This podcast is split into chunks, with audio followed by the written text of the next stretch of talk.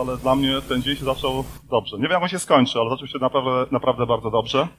Tak śpiewaliśmy w tej pieśni przed chwilą, że całe życie byłeś wierny. Całe życie Bóg był wierny, dlatego podziękujmy Bogu za tę wierność, że On nas nigdy nie zawiedzie. Panie, dziękujemy Tobie za to, że w tak cudowny sposób stworzyłeś nas rodziną przed Twoim świętym obliczem. Tak przyszliśmy.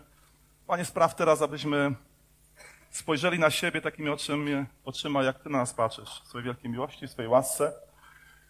I niech Twój Święty Duch pracuje w nas, Panie. Daj, abyśmy, tak jak przyjęliśmy Twoją, Panie, dobroć i to, że Ty jesteś wierny, w tej wierności trwali, szli przez życie, a Ty nas umacnij w tym wszystkim i spraw, byśmy byli Twoim światłem i Twoją solą na tej ziemi. Błogosław to słowo, błogosław nas wszystkich, otwiera nasze serca, bądź między nami, a cały zbór Emaus niech powie głośno. Amen. Wow, dobrze wyszło. Często pracuję nad interakcjami, to może pójdziemy za ciosem. Y, Popatrz na pierwszą osobę, która jest twoim pierwszym wyborem i powiedz, jesteś słony dzisiaj, bracie. Amen. Dobrze poszło. To może drugi wybór, jesteś świecący. Amen. Niech Pan Bóg sprawia, aby to, co nas uczy Słowo Boże, by nas przekonywało do tego, by nasze życie było zwycięskie. Słuchajcie, czy mieliście w swoim życiu tak, że nieraz patrzyliście się na, na życie innych ludzi i mieliście wrażenie, że niektórym ludziom się wszystko udaje, że wszystko idzie bardzo dobrze, cokolwiek sobie zamyślam mi się udaje. Jak oni to robią? Jak oni to robią? Y, Kiedy byłem jeszcze młody, tak oceniałem troszkę to inaczej. Naprawdę nie, oceniałem to bardzo prosto. Myślałem, że ci ludzie w życiu mają dużo szczęścia. Ktoś ma, wiecie, szczęście w biznesie, coś zrobi, wszystko mu wychodzi. Y, Ktoś ma bardzo udane małżeństwo. Y, Wyglądają, wiecie, jak dwie połówki jednego jabłka. Są tak dopasowani. Po prostu mieli szczęście, tak się spotkali.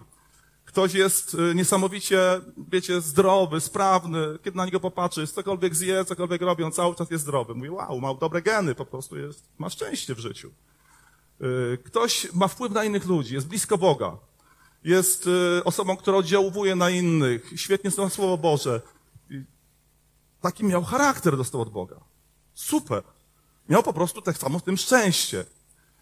Tak sobie nieraz myślałem kiedyś, w uproszczeniu, ale z biegiem lat, z mojego doświadczenia i też z obserwacji, doszedłem do wniosku, że to nie jest szczęście tylko. Chociaż to jest prawda. Niektórzy z nas na początku dostali troszeczkę więcej. To jest prawda.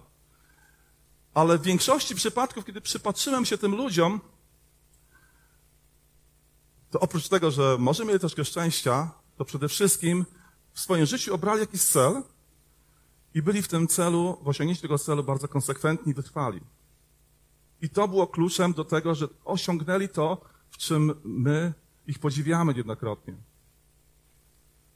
Bo to wytrwałość i konsekwencja, nie nasze intencje sprawiają, że osiągamy cel. Bo to nie jest tak, że ktoś, wiecie, był y, gdzieś tam na dole, był spłukany i pewnego dnia mówi, teraz się biorę za siebie, za tydzień czasu ma wszystkie długi spłacone, y, wszystko mu wychodzi. Nie. To były nieprzespane noce, może lata ciężkiej pracy i my później widzimy efekt. Tak samo to małżeństwo, które wydawałoby się kwitnące, bo jest kwitnące, ale gdybyśmy z nimi porozmawiali, to by powiedzieli, cały czas pracujemy nad tym. Wybaczamy sobie, jeżeli to jest małżeństwo wierzące.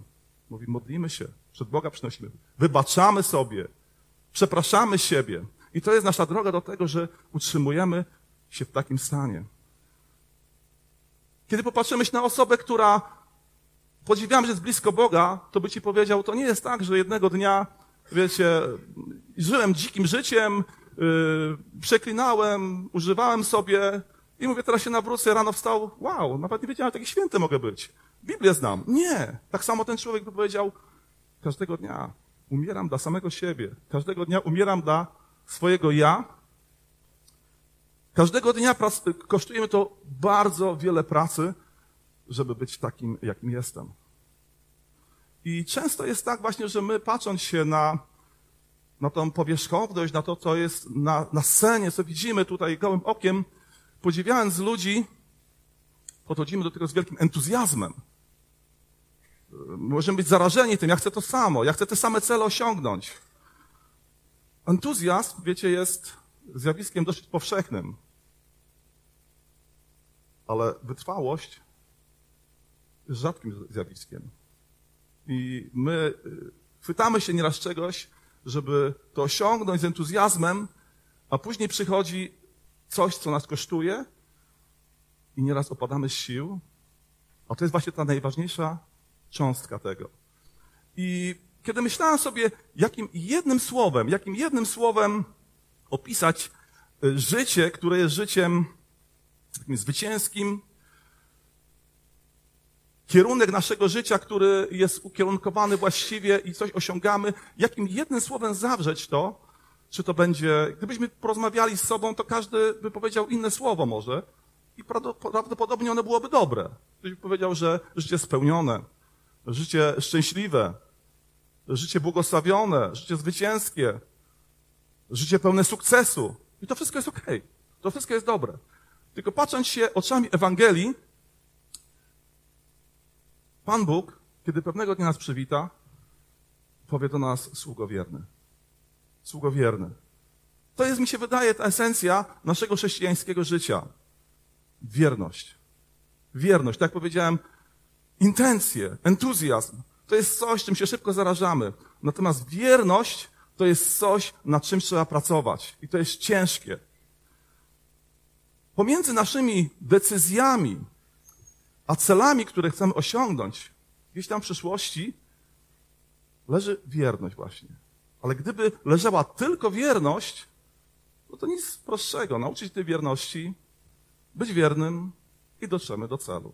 Problem jest w tym, że między naszymi decyzjami a celem są jeszcze inne składniki, które z tą wiernością walczą. I też zastanawiałem się, jak to nazwać, jak to ująć, dlatego swoje kazanie wiecie, przepraszam za mój głos, nie wiem, czy słyszycie, ale troszkę yy, nie domagam jeszcze, także jakbym pod koniec już troszkę dziwnie brzmiał, to moje struny głosowe w tym tygodniu bardzo chorowały. Tytuł mojego kazania jest Wierność, i tu wielokropek, a nasze, ja tu powiedziałem apetyty. Nasze apetyty. Macie apetyty na coś? Apetyty towarzyszą każdemu jednemu człowiekowi. I wierność najczęściej wyznacza cele, które są celami odległymi.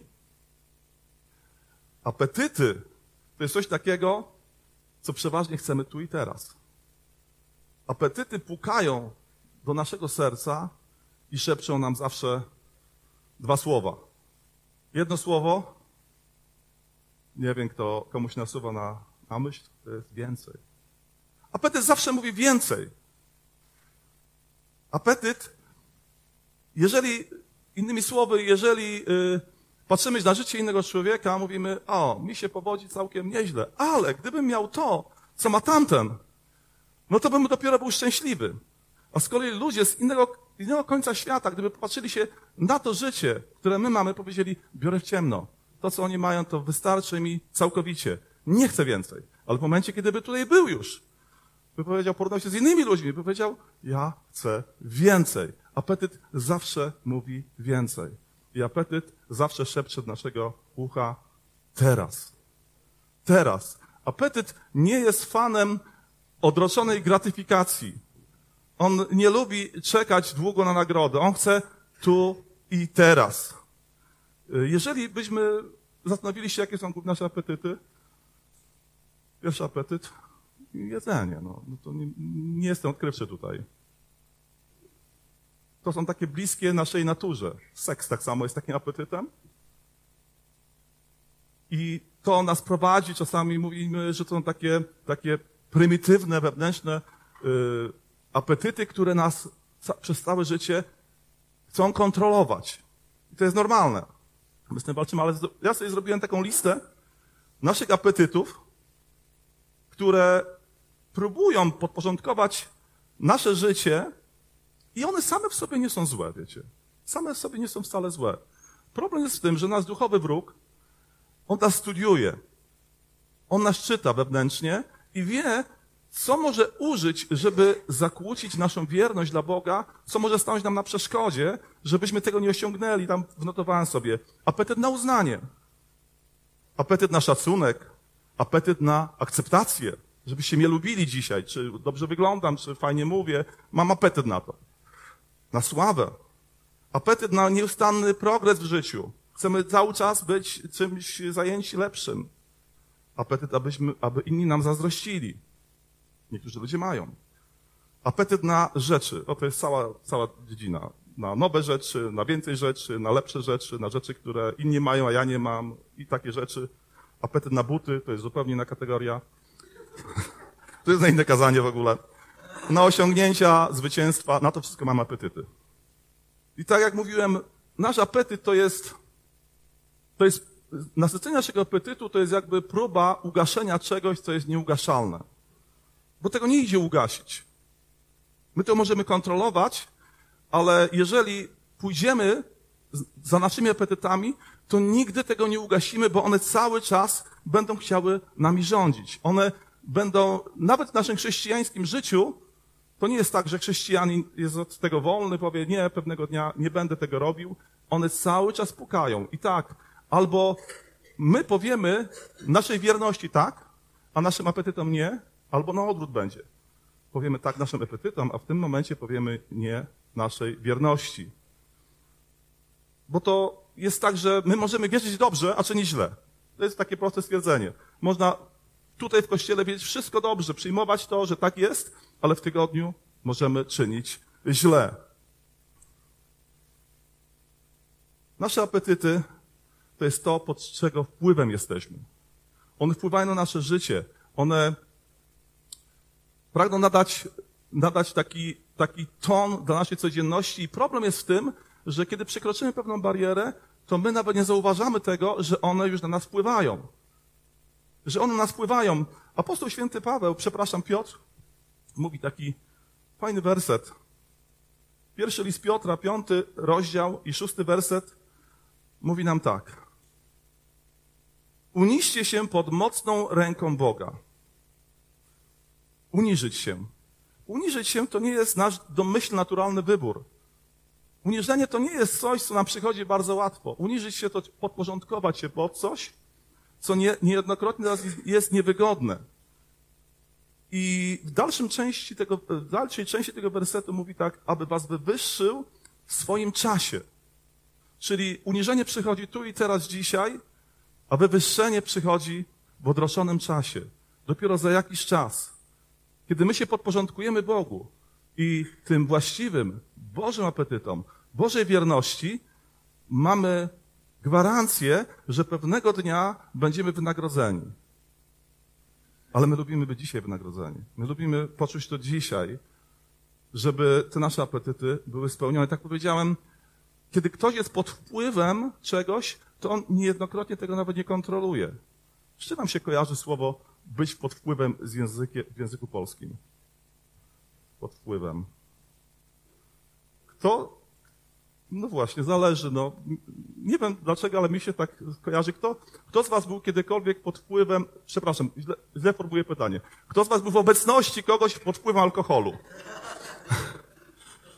O, Tomek jest ekspertem, podniósł rękę. W kościele tego głośno nie mówmy, że byłeś pod wpływem. Natomiast osoba, która jest pod wpływem alkoholu, inaczej myśli, inaczej mówi, inaczej dobiera sobie przyjaciół. Często widzimy, że często, no, słyszeliśmy na takich sytuacjach, że zupełnie dwóch nieznajomych gości się spotykają i kołam cię bracie, jesteś najlepszy, no nie? Oni się nie znają w ogóle, no nie? Ma wpływ na to. Ma wpływ na to, że atrakcyjność innych ludzi w miarę spożytego trunku jest, wzrasta proporcjonalnie atrakcyjność drugiej osoby po przekroczeniu pewnej granicy myślenie o własnej atrakcyjności wzrasta jeszcze bardziej, no nie? Im bardziej pijesz, jesteś brzydszy, a myślisz, że jesteś ładniejszy. I tak jest, ale kogokolwiek nie spytasz, jesteś pijany. Nie, no, troszeczkę tego, nie przyjmuje tego. Osoba będąca pod wpływem często zaprzecza temu, że jest pod wpływem. To jest coś, co wydaje nam się, że my to kontrolujemy, że to jest takie nic, nic nieważne, nieistotne. Wielu z nas, kiedy mówi się o apetytach, to mówią, właściwie to te rzeczy mnie nie dotyczą. Te rzeczy są poza, poza mną. Y, to słabi ludzie tylko, wiecie. Ja, ja nie. Słowo Boże nam mówi, jeżeli uważasz, że jesteś mocny, uważaj, bo możesz upaść. Nie pamiętam, że to pisze w liście do Koryntów, chyba w 10 rozdziale. Bądź ostrożny, jeżeli uważasz, że jesteś mocnym człowiekiem czymś. Ja to niejednokrotnie doświadczyłem i przemyślcie to. Mi się wydaje, że każdy z nas może powiedzieć o sobie, że były sytuacje, w których uważał, że był mocny, a był bardzo słaby. Moja Marysia może głośno powiedzieć amen, bo ona mnie zna, że są takie rzeczy, które, których uważałem, że byłem mocny, a byłem, byłem słaby. Podam prosty przykład. Wiecie, ci, co znają mnie dosyć dobrze, to wiedzą, że dla mnie, wiecie, ciasta, słodycze to mogą nie istnieć. Y, mam inne preferencje w sprawie swojego apetytu. Y, u nas, y, tak się nazywa dla gości, Marysia ma taki schowek i schowek ma w spiżarce takiej, tam w przygotowni, tajemnic sobie osłaniam. I one tam sobie leżą, no nie? Ale pewnego dnia mówię, no to zajrzę tam, w końcu mój schowek, no to nie mogę sobie zajrzeć. Patrzę się takie rurki jakieś w czekoladzie, a czarną czekoladę jeszcze lubię. No i poszedłem do kierowcy coś robić, ale w drodze powrotnej mówię, no zobacz jak one wyglądają, no nie odprawiam no paczkę, fajnie wyglądają, spróbuj jednego. No w końcu to są moje, moje rurki, Marysia kupiła, no to nie mogę. Dwie godziny później Marysia znalazła mnie drzemiącego przed telewizorem z ręką w pustej, w pustym pakowaniu po rurkach, no nie? Jeżeli uważasz, że jesteś mocny, uważaj, bo możesz być tym słaby. Możesz być ten słaby nawet bardzo. Dlatego Pismo Święte nas ostrzega, wy, którzy stoicie, uważajcie. Uważajcie, osądzając innych ludzi. I żeby się nie rozgadywać, bo czas nam leci nieubłagalnie, przejdę do ilustracji biblijnych. Chciałbym przedstawić dzisiaj dwie ilustracje biblijne, które dotyczą, właśnie o dziwo ocierają się troszeczkę o jedzenie, o apetyty. Wszystkie kucharki, y, dietetyczki będą lubiały to, te przykłady. Y, są to ilustracje Starego Testamentu. Pierwsza ilustracja, na pewno ją znacie, 1800 lat przed Chrystusem żyło sobie dwóch braci. Jeden wysportowany, silny. Jak ubierał t-shirta, to wiecie, jego plecy wyglądały jak taki worek z pytonami. To wszystko tak sobie wyobrażam. Także taka jest moja wyobraźnia na temat y, y, tego pierwszego brata. Był świetnym myśliwym, męski typ, ulubieniec ojca. Drugi brat, klatka zapadnięta, tak sobie wyobrażam, to też jest moja wersja. Y, myśliciel, marzyciel, intrygant i dobry kucharz, ulubieniec matki. Byli to wnukowie Abrahama. I tych dwóch wnuków od początku niosło sobie potencjał, że jeden z nich będzie spełnieniem proroctwa, które było do ich dziadka, że stworzą wielki, wielki naród.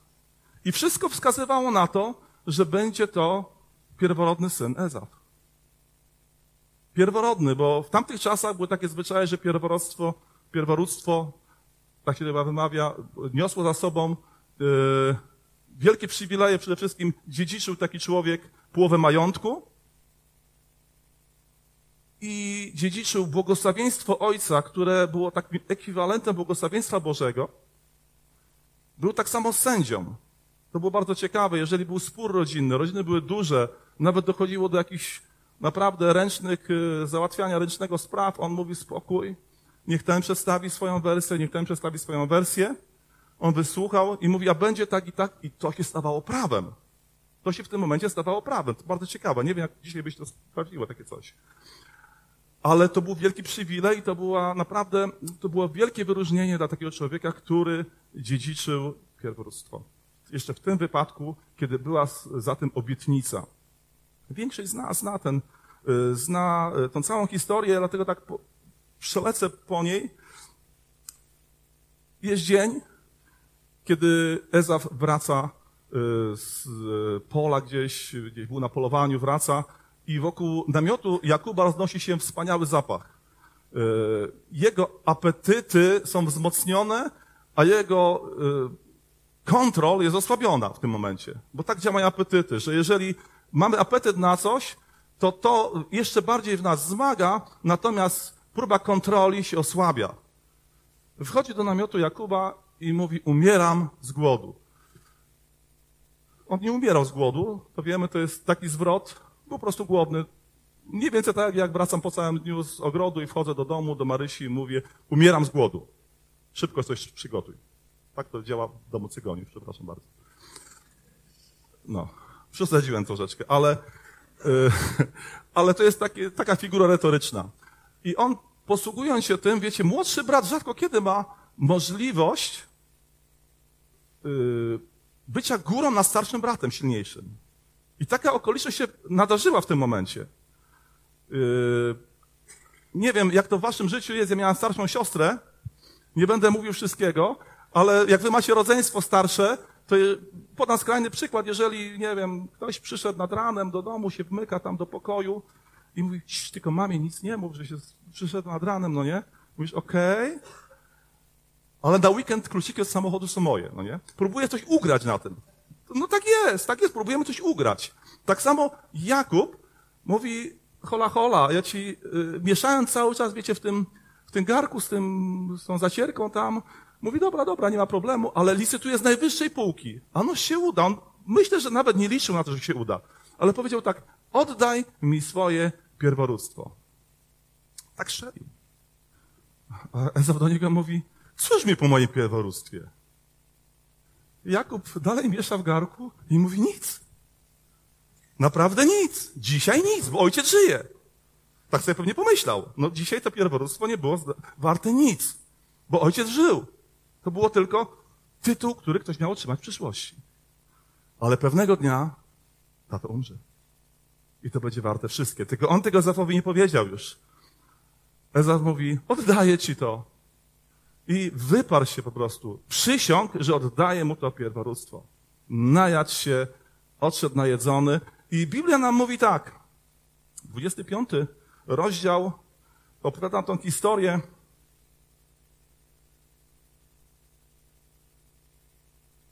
To jest 29, 34 werset. Nie, nie będę tego wszystkiego czytał, tylko pod koniec napisane jest tak.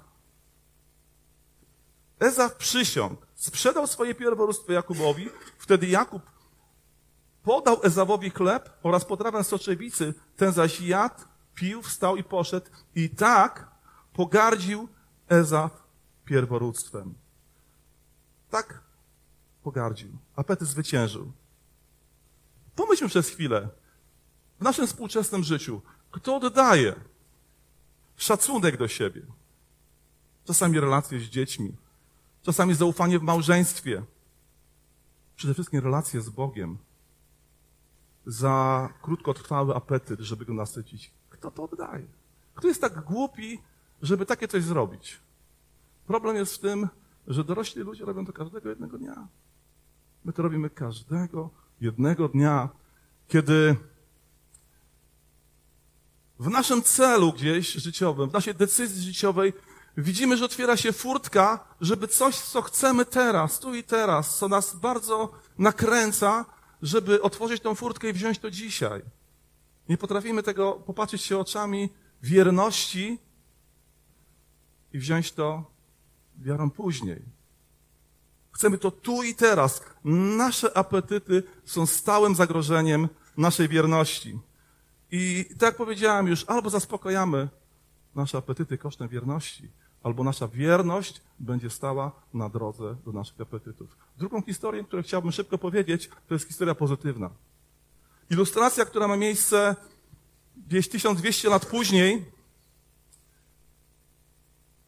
Wiem, że między nami są jeremiaszolodzy, którzy studiują e, e, księgę e, Jeremiasza. W 46 rozdziale księgi Jeremiasza jest wspomniane, że była taka bitwa pod Karkemisz.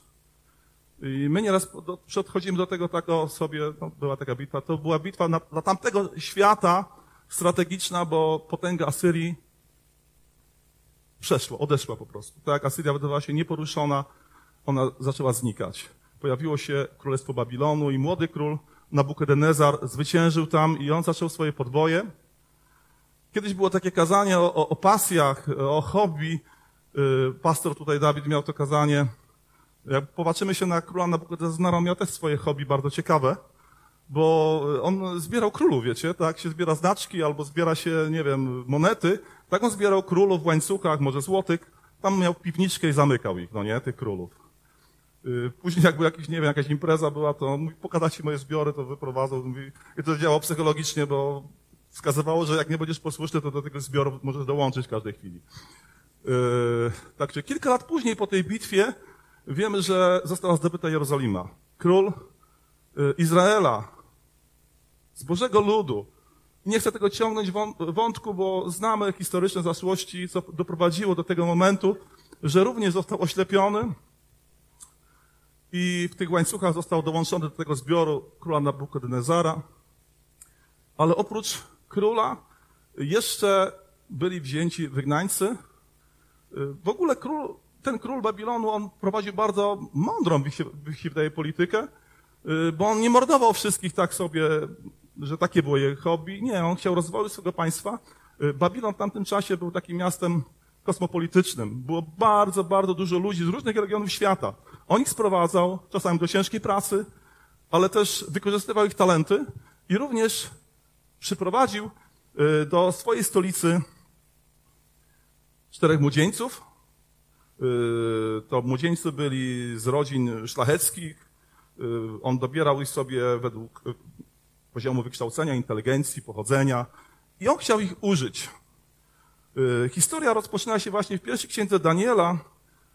Trzeci, czwarty werset mówi tak. Król rozkazał też Aszpenazowi, dowódcy swojej straży dworskiej, aby sprowadził chłopców izraelskich pochodzących z królewskiego lub ksiądz- książęcego rodu. Chodziło mu o chłopców bez jakiejkolwiek wady, pięknie zbudowanych, bystrych, mądrych, posiadających wiedzę, zdolnych w nauce i silnych na tyle, by mogli służyć w Pałacu Królewskim.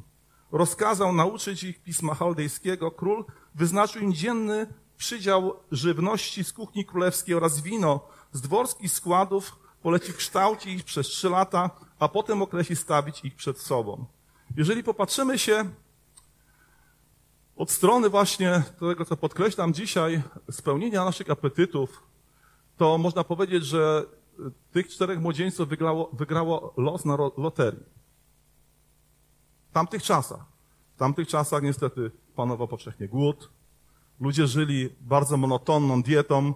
Nie było lodówek, nie było jakichś innych środków zaopatrzenia, że kupiło się to, na co miało się smak. Zostawiało, zostawały rzeczy, które mogły być przechowywane. Ziarno, nie wiem, woda. Nie zawsze świeże. Oni mieli dostęp do kuchni królewskiej, mieli dostęp do najlepszego wina. I przyjmuję tak sobie w głowie, tego nie ma napisane, ale ojciec każdego z nich, jak się dowiedział, że oni idą w takie miejsce, to pewnie klękał przed tym synem i mówi, synu, tylko nie... Jakiego słowa użyć? Dziękuję za podpowiedź, bo chciałem inne słowa użyć. W kościele takich słów się nie używa. Nie zepsuj tego. Nie zepsuj tego. Tylko nie zepsuj tego, bo naprawdę masz wielką szansę. Mógłbyś trafić do kopalni soli i po miesiącu umrzeć, być wycieńczony. Mógłbyś być mięsem armatnim gdzieś tam w armii Nabukadnezara. Yy, Nie wiem, inne, inne różne wersje. Oni trafili najlepiej. Apetyty. Ich mogły być nasycone tu i teraz. I wiecie, myślę, że księgi Daniela by nie było, gdyby oni poszli za swoim apetytem. Problem z tym wszystkim był taki, że mogli powiedzieć, w Jerozolimie był Bóg Jahwe. On był w Jerozolimie. Jerozolima upadła. My jesteśmy dzisiaj tutaj w Babilonie. W Babilonie Bogiem jest Mardok i on tu rządzi. Ludzie tamtego okresu odbierali to w ten sposób. Bóg daje żywność, żywność daje siłę, siła daje powodzenie, bogactwo w takiej kolejności. Jeżeli był stół zastawiony królewski, on był poświęcony Bogu Mardokowi. I ja wiem, że na podstawie diety Daniela są pisane książki dietetyczne i chwała Bogu za to, bo ludzie, którzy tak się odżywiają, jest okej, jest okej, ale to nie w tym problem był, żeby jeść jabłka, pomarańcze i brokuł codziennie. Jeżeli tak będziesz jadł i kiełki pszenicy jeszcze, no nie? Sojowe. Okej, ale tu nie w tym był problem. Problem był zupełnie inny. Ja sobie myślę, że to było coś niesamowitego, co zrodziło się akurat w Danielu. I werset ósmy, ja wierzę, że werset ósmy to jest werset kluczowy całej księgi Daniela. Bo gdyby nie było wersetu ósmego, nie byłoby księgi Daniela. Werset ósmy mówi tak, natomiast Daniel postanowił w swoim sercu. On podjął decyzję. On podjął decyzję, mając przed sobą te dwie rzeczy, tak jak powiedziałem, jakiś cel w życiu i między jego decyzją a tym celem była tak, albo wierność, albo zaspokojenie apetytu. Jak myślicie, czy pokusa była duża? Ja myślę, że potężna. Znając siebie, naprawdę nie jestem w stanie się powiedzieć, czy ja bym tak postąpił jak Daniel. Obawiam się, że może nie. Jestem z wami szczery. Bo jeżeli bym miał sumienie przy Bogu i nie chciałbym się kalać tym, to wiecie, co ja bym zrobił? Bym kombinował, bym po prostu tam część tego jedzenia tam dla psa pod stołem rzucał, no nie wybierał jakieś tam może rzeczy, które, żeby, żeby kombinować. A on postawił sprawę jasną. On poszedł do tego, do tego człowieka, który nim zarządzał i przeprowadził z nim rozmowę. Powiedział, że my nie będziemy się kalać jedzeniem ze stołu królewskiego. I wiecie co? Dla mnie niesamowite jest to, że on po prostu post raz, że postawił sprawę jasno, ale on zrobił postanowienie z wyprzedzeniem. Bo my znamy księgę Daniela. My wiemy, jak się to skończyło. Ale to nie było tak, że Daniel jechał do Babilonu i we śnie przed do niego anioł i powiedział tak, słuchaj, tam przed tobą postawią różne potrawy, ty ich nie jedz, jak nie będziesz jadł, będziesz yy, nadrzędnym takim naczelnikiem przy królu, przy kilku królach i będę ci błogosławił i będziesz kimś bardzo, bardzo ważnym, będą o tobie pisać książki. W 2023 roku w Zielonej Górze będą być kazania na twój temat. Nie. On tego nie wiedział. On tego nie wiedział, bo opcje były bardzo różne. Bardzo różne. Jeżeli czytamy się w tą historię, to ten dowódca powiedział tak, to się może nie udać ja za to mogę zapłacić głową. Dać za coś głowę, wiecie, to jest figura retoryczna. Ale w naszych czasach, w tamtych czasach nie była figurą retoryczną. To było jak najbardziej prawdziwe. W słowniku króla babilońskiego nie było słowa miłosierdzie. Nie było takiego słowa. Po prostu nie spełnia moich oczekiwań. Skracam się o głowę, jeszcze tą głowę przybijam gdzieś tam na drzwiach, żeby być yy, ostrzeżenie dla innych ludzi. Jak myślicie, gdyby temu y, zarządcy groziła śmierć, jak on by się ratował? Pierwsze, co to wypowiedział, ci ludzie powiedzieli, że nie będą jedli skalanych potraw z tego stołu królu. Jak myślicie, jakby zareagował król, kiedy by się doniosło do niego, że oni uważają, że to są skalane rzeczy? Figura retoryczna by zadziałała znowu. Tak myślę, tak myślę. Także Daniel nie miał żadnej gwarancji na samym początku liczył na jedno, liczył na Bożą interwencję. I Boża interwencja, jak wiemy, była. Boża interwencja była. On wiedział, że on zmienili, jak wiemy, imiona, kształcili ich i mówiąc o wpływie apetytów na nasze życie, to możemy powiedzieć tak. Jeżeli to taka była, wiecie, maniera bogatych ludzi, króla, on jak psów ich traktował, bo dla psa można zmienić imię. Dziś nazywa się tak, mi nie pasuje, nazywam cię, byłeś Burek, jesteś teraz Rex, bo tak mi się podoba. Tak samo on zmienił imiona, bo tak mu się podobało. Yy, powiedział, że mają jeść to, co mają jeść, mają się ubierać teraz tak, jak się mają ubierać, mają czytać to, co mają czytać, mają się uczyć tego, co mają się uczyć. Wiecie co? I to są wpływy. I ci młodzi chłopcy powiedzieli tak, ty możesz nam zmienić imiona. Ty możesz nas ubrać inaczej. Ty możesz nam, nas kształcić inaczej, ale to, jacy będziemy wewnątrz, ty królu nie zmienisz. Bo my jesteśmy Tobie wierni. Nie nasze zewnętrzne apetyty.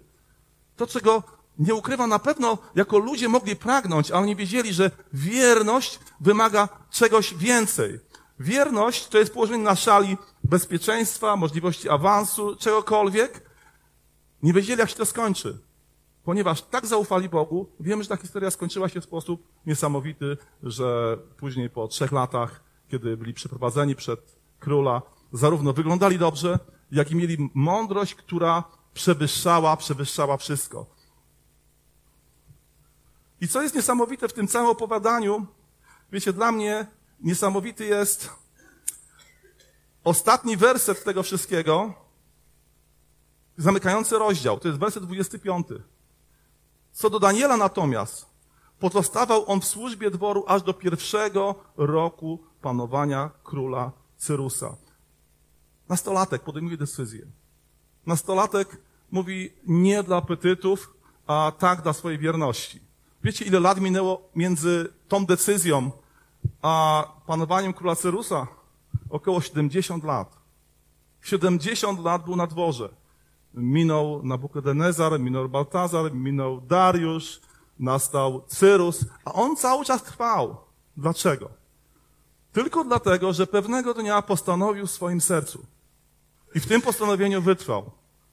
Po 50 latach przyszła jeszcze próba. O niej nie będę mówił, jak ktoś kiedyś pozwoli, to jest zupełnie nakazanie.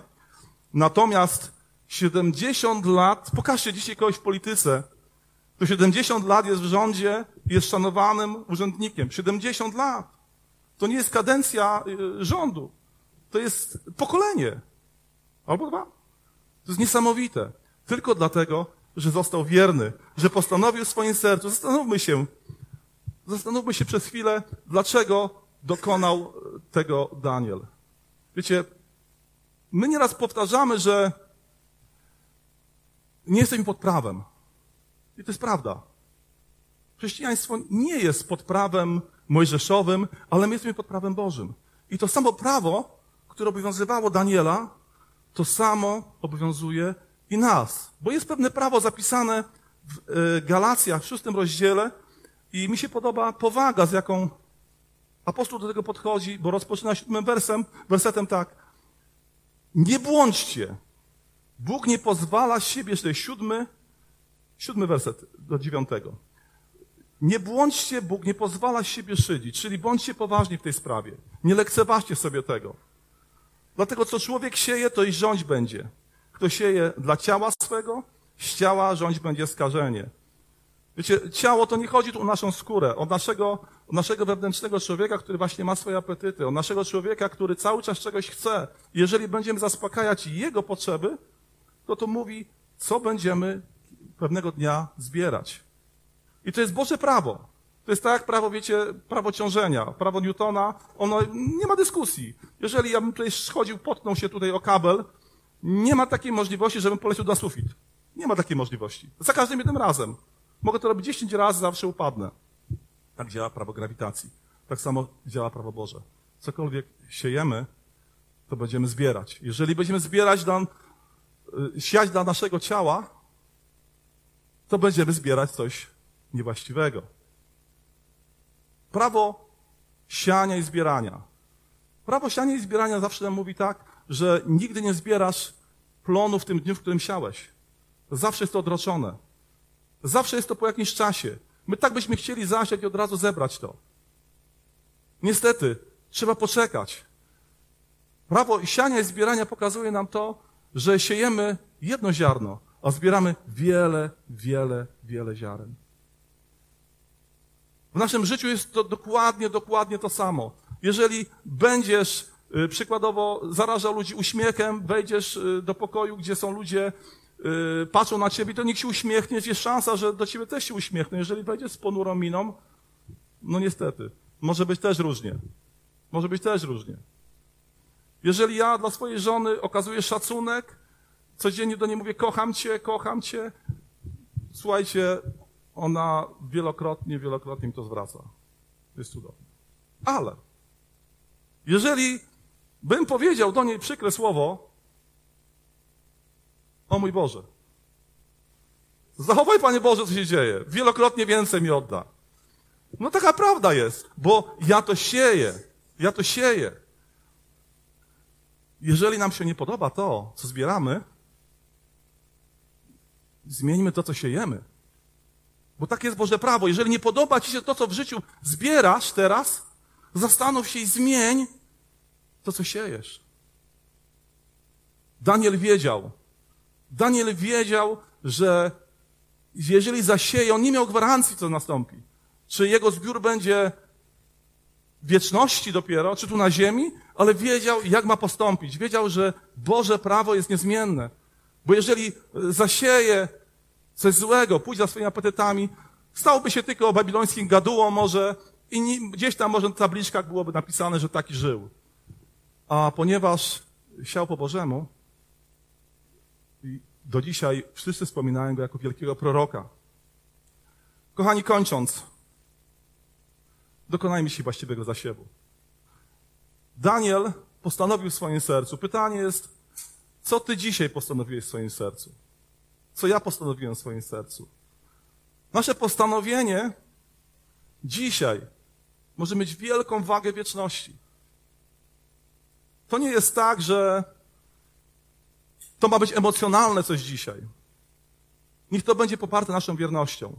Niech to postanowienie, które na początku tego nabożeństwa widziałem, wiele osób podeszło do modlitwy. Czyli coś postanowiło w swoim sercu. Za czymś tęskni. Czym, do czegoś dąży. Żeby to postanowienie było w tygodniu poparte naszą wytrwałością, naszym wysiłkiem, naszą pracą. Często może mówisz, tyle razy próbowałem, tyle razy zaczynałem i nie mam siły. Naprawdę jest ktoś, kto nie tylko może Tobie pomóc, ale który może Cię zmienić. Który może Cię zmienić. Jezus Chrystus. Bo je, póki nie jesteśmy wewnętrznie zmienieni, to nasze wysiłki są oparte na naszych limitowanych siłach, na naszych limitowanych zasobach. Ale kiedy On Cię wewnętrznie zmieni, Duch Święty pracuje w Tobie. Kiedy będziemy się modlić teraz na koniec, zaprośmy Ducha Świętego. Zaprośmy Go i powiedzmy, Panie Jezu, ja postanawiam w swoim sercu i każdy niech tam na tym wielokropku sobie doda, co postanawia. Ja mam swoje apetyty, Ty masz swoje apetyty. Każdy z nas ma, bo jesteśmy ludźmi. Może dzisiaj one będą pracować nad Tobą, może w tygodniu. Ale pamiętajmy o tym słowie, które Pan Bóg powiedział, witając tego sługę, powiedział, przyjdź do mnie, sługo wierny. Przyjdź do mnie, sługo wierny. Sługo, który dał odpór temu wszystkiemu, co na co dzień go nakręcało może, pragnęło zdominować go. On dlatego mówił nie. Powiedzmy tak dla naszej wierności. Powstanie. Panie Jezu, tak dziękujemy Tobie, Panie, że Ty w swoim słowie dałeś nam tyle obietnic i my się ich chwytamy, Panie. Chcemy, abyś Ty zasiał w naszych sercach to pragnienie, byśmy byli wypełnieni Twoim zasiewem, Panie, byśmy kiedyś zbierali owoce tego, Panie. Byśmy otwarli swoje życie na działanie Ducha Świętego. Tak wiele, tak wiele w, naszych, w naszym życiu nieraz jest pytań, na które my dzisiaj nie mamy odpowiedzi, ale do siebie się zwracamy i Ty w nasze serca, w każde serce włóż tą odpowiedź, którą dany człowiek potrzebuje, Panie. Ty widzisz, jak nasze życie nieraz jest narażone na różne pokusy. Ale my chcemy nie w swojej sile stanąć do walki z tym, ale w Twojej mocy, w Twojej sile. Panie, wierzymy, że będziemy oglądać zwycięstwo. Panie, to zwycięstwo przekonuje nas, przekonuje ludzi wokół nas. Panie, chcemy, aby nasze życie w Kościele było zwycięskie, w naszych domach było zwycięskie, w naszych rodzinach, w naszych pracach. W każdej okolicznościach, które mamy w sercu, Panie, chcemy zwycięskiego życia. Daj nam, abyśmy patrzyli się na to zwycięstwo, które naszym celem, przez pryzmat Twojej wierności. Na pewno się nie zawiedziemy. Na pewno nas wyposażysz. Na pewno dasz nam siły, a Ty zaspokajaj nas. Niech Twój święty duch nas prowadzi. Dziękujemy Tobie za wszystko. Dziękujemy za Twoje słowo. Dziękujemy Tobie za Twoją obecność w naszych sercach i prosimy Ciebie, aby, abyśmy to nie byli my, ale Ty w naszym życiu, który zmienia nas, kształtuje nas i prowadzi. Amen.